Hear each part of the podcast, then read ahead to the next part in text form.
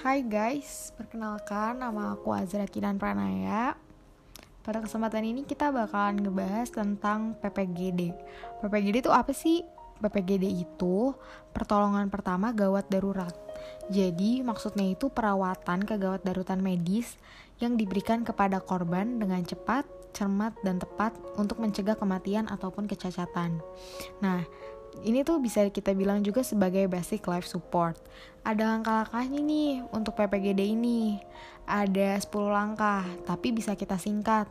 3A, cek kesadaran, call for help, sama A, B, C, D, E. Nah, 3A ini itu maksudnya adalah yang A pertama amankan diri, yang kedua amankan pasien, yang ketiga itu amankan lingkungan. Maksudnya amankan diri itu apa sih? Amankan diri itu maksudnya kita harus mengamankan diri kita dari stigma masyarakat. Misalnya kita mau bantu pasien gitu ya yang lagi ada korban kecelakaan lah atau apa. Nah itu kita bisa ngebantunya dengan cara kita memperkenalkan diri kita sendiri. Kayak pak bu ini saya mau membantu saya adalah tenaga medis. Seperti itu. Jadi kita bisa mengamankan diri kita dari uh, masyarakat kesalahpahaman masyarakat Nah, selanjutnya itu amankan pasien. Kita mengamankan pasien dari apa ya? Nah, amankan pasien ini kita mengamankan pasien dari lokasi. Misalnya korban kecelakaan ini ada di tengah jalan gitu ya. Kita pasti harus mengamankan pasien ke tempat yang lebih aman kan. Gak mungkin lewat-lewat motor, mobil kayak gitu. Nah, selanjutnya itu amankan lingkungan. Amankan lingkungan ini tuh gimana sih? amankan lingkungan itu kita harus menghindari dari masyarakat Indonesia yang biasanya kan masyarakat Indonesia kalau ada kecelakaan difoto, dikerubunin gitu kan, tapi yang menolongnya jarang. Nah, itu kita harus melindunginya gitu. Jadi kita bilang, "Pak, Bu, mohon memberi ruang kepada pasien." Seperti itu.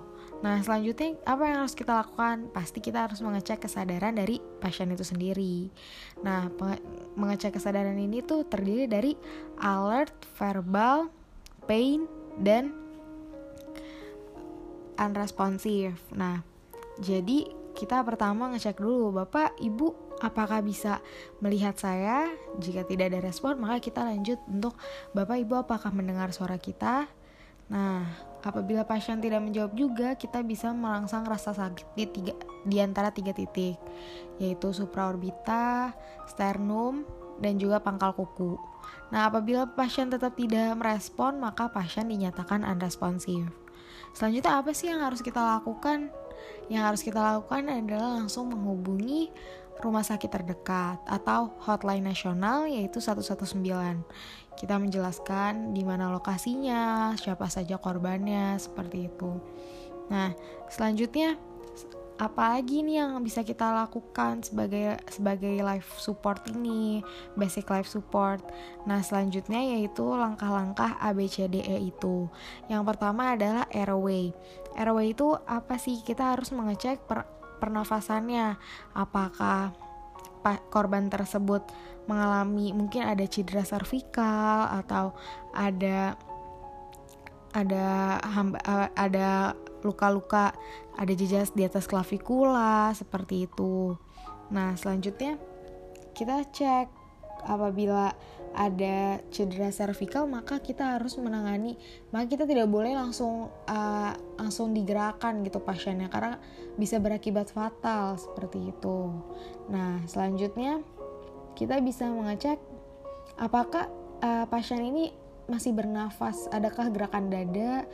Bagaimana gerakan dadanya? Apakah simetris atau tidak? Seperti itu. Nah apabila pasien ini tidak ada gerakan dada maka kita harus langsung ke tahap selanjutnya yaitu breathing yaitu mengecek kita langsung apabila nih pasien nih gak ada gak nggak bernafas gitu ya kita bisa melakukan PCR atau RJPO nah PCR ini dilakukan apabila pasien memang tidak tidak bernafas ya.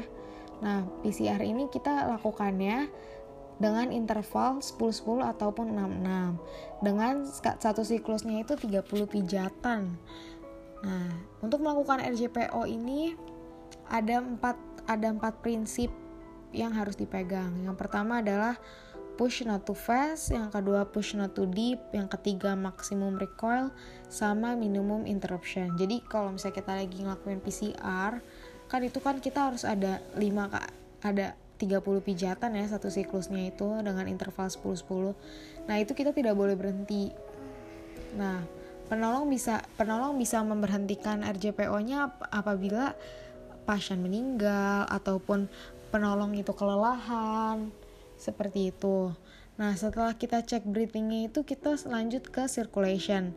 Circulation tuh apa sih? Kita harus mengecek apakah ada pendarahan di korban. Nah, apabila ada pendarahan, kita langsung bisa membebatnya sehingga mengurangi pendarahan itu. Selanjutnya, cek akral korban.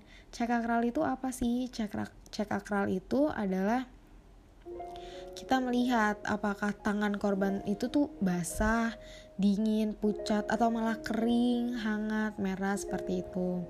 Nah, apabila pasien uh, dalam keadaan basah, dingin, pucat, maka pasien dinyatakan shock. Nah, tapi sebelum itu kita harus cek juga cek capillary refill time.